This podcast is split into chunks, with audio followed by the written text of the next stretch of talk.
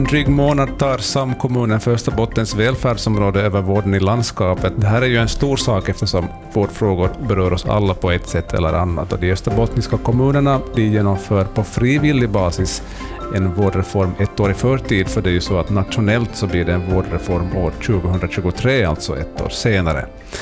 Men det här Österbottens välfärdsområde är något som vi ska prata mer ingående om nu i nyhetspodden med VBL-journalisten Anna Sorander. Du hade i söndagens tidning en intressant och väldigt läsvärd artikel om den österbottniska vårdjätten. Det här välfärdsområdet, hur är det uppbyggt och hur skiljer det sig från nuvarande system? No, det är en ganska komplicerad ekvation, men eh, förenklat kan man säga att idag så sköter då Vasa sjukvårdsdistrikt specialsjukvården för de österbottniska kommunerna. Alltså har kommunen då ansvar för primärvården, i praktiken den vård du då får vid hälsocentralerna. När samkommunen för Österbottens välfärdsområde nu då startar sin verksamhet vid årsskiftet så flyttar all vård in under samma tak.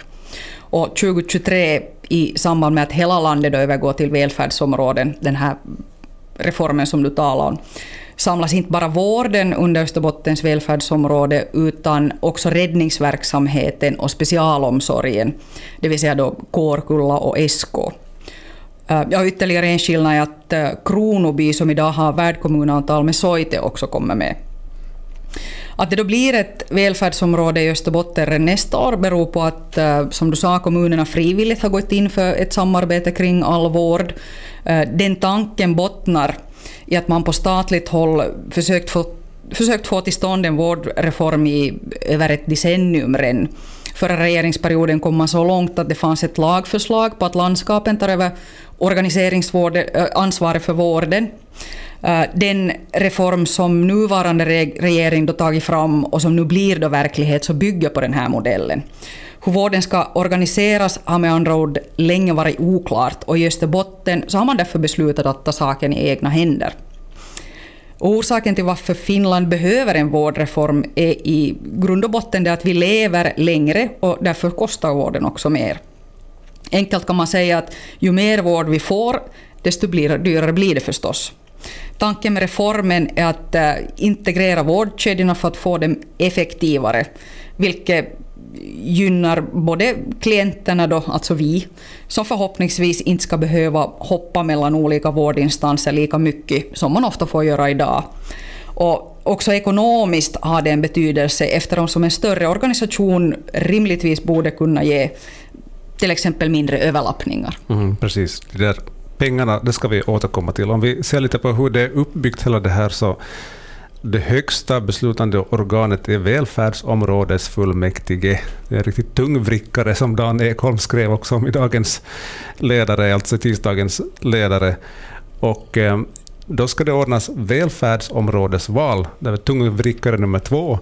Och det, hölls den, det kommer att hållas den 23 januari 2022. Det är ju historiskt. Finland får en ny folkvald nivå mellan stat och kommun då väljs alltså fullmäktige för Österbottens välfärdsområde. Är det, det är alltså här som makten kring vårdfrågor då sitter och kan det då jämföras med det som är nuvarande fullmäktige, sjukvårdsdistriktets fullmäktige alls eller?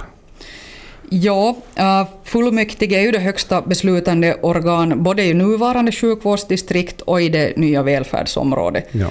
Skillnaden är den att äh, sjukvårdsdistriktets fullmäktige utses av kommunerna, medan välfärdsområdets fullmäktige, precis som du sa här tidigare, väljs av folket, det vill mm. säga dig och mig. Mm. Hur kan man säga någonting om hur, hur representationen i det här fullmäktige kommer att finnas från alla kommuner och partier, eller hur ser det ut? Uh, hela välfärdsområdet, det vill säga i praktiken Österbotten, så kommer att vara ett valdistrikt. Uh, det betyder att du kan rösta på vem som helst av de som är uppställda.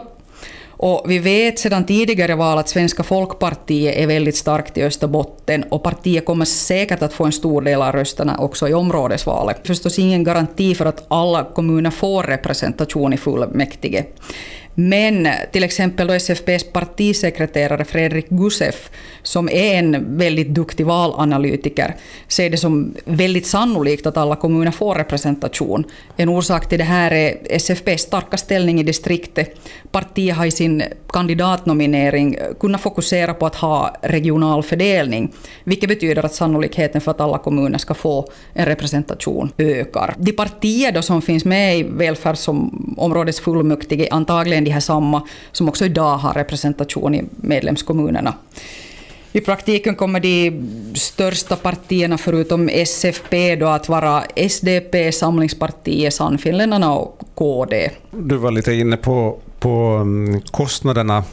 Pengar det intresserar förstås och mm, det har diskuterats väldigt flitigt redan i offentligheten kring det här nya välfärdsområdet för mm, år 2022 så är det de medlemskommunerna som står för välfärdskommunens kostnader. Och så sent som igår så blev det diskussion om pengarna då välfärdskommunens styrelse möttes. Och det, det handlade om utgifter på hela 710 miljoner euro, inkomster på lite mer, drygt 720 miljoner euro. Det som orsakat diskussionen den senaste tiden är de här kommunala betalningsandelarna.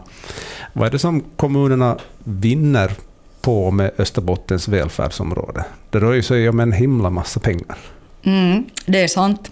Och helt som du sa så har det varit en disku, del diskussioner om kostnader för det här första året ja. med välfärdsområdet. Ja, I och med att det är då som kommunerna ska stå för kostnaderna. Precis.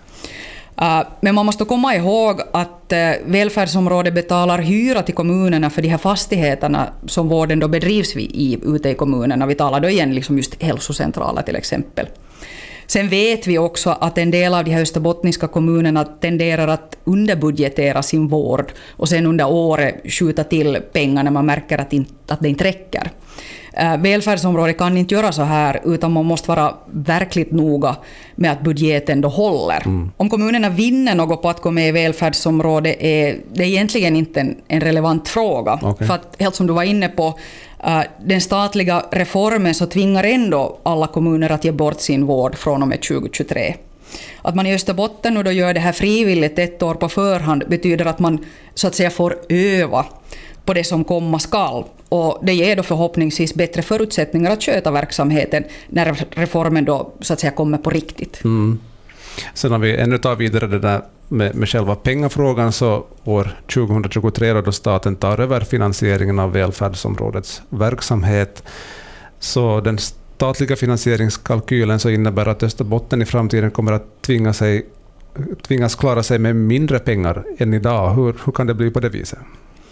No, staten utgår då eh, från att tillgången till vård ska vara så lika som möjligt i hela landet. Och idag så har vi rätt stora skillnader i hur befolkningen mår. Och det betyder också att det är stora skillnader i hur mycket vården kostar.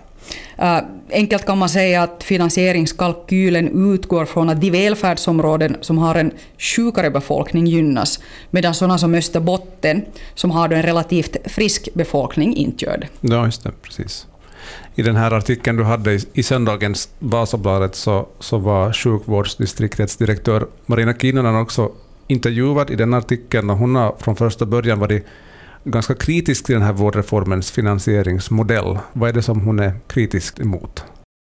Systemet erbjuder då ju ingen uppmuntran att sträva efter bättre mående. I praktiken så betyder det att invånarna i Österbotten måste börja må sämre för att man ska få mera pengar för vården. Eh, det som Kinnunen då efterlyser är egentligen morötter för att sträva mot en friskare befolkning. Men eh, finansieringen lever hela tiden och i dagsläget så vet vi till exempel inte om det blir aktuellt med en landskapsskatt som det har varit diskussion ja. om. Mm. Eh, man kommer inte ifrån det att frågan om finansieringen är knepig. Men, men som jag ser det måste utgångspunkten ändå vara en modell som strävar efter jämlikhet, för annars så landar vi nog ganska långt ifrån tanken bakom den nordiska välfärdsmodellen. Mm.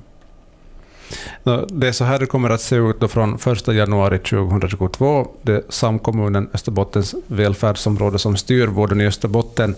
Eh, jag tänkte så här som en avslutande fråga bara, att kommer gemene man, befolkningen, märka någon skillnad i att det blir på det här viset? No, välfärdsområdesledning säger att målet är att den vanliga invånaren då inte ska märka någon skillnad, förutom det då att man så småningom ska få en bättre vård, eh, enklare tillgång till vård, just de här integrerade vårdkedjorna som, som jag pratade om tidigare. Mm. Uh, men det, handlar om, man måste komma ihåg att det handlar om en organisation som ska koordinera först 7 000 och sen 2023 då 8 000 anställda och den verksamhet som de här människorna du sköter. Så det säger sig självt att allt knappast att kommer att gå som svårt genast. Men tanken är att vi, vi som invånare på sikt lättare och mer smidigt ska få tillgång till vård. Precis. Och faktum är att det är idag 23 november och 23 januari så är det välfärdsområdesval, så det är om exakt två månader så är det val till detta nya fullmäktige som ska vara det beslutande organet, högsta beslutande organet i det som blir Österbottens välfärdsområde. Så det kommer att diskuteras flitigt, det kan man anta. Fram, fram tills dess och fram tills årsskiftet. Mer nyheter om detta det kan du förstås hitta på vår nyhetssajt vasabladet.fi. Tusen tack ska du ha, Anna Sorander. Tack själv.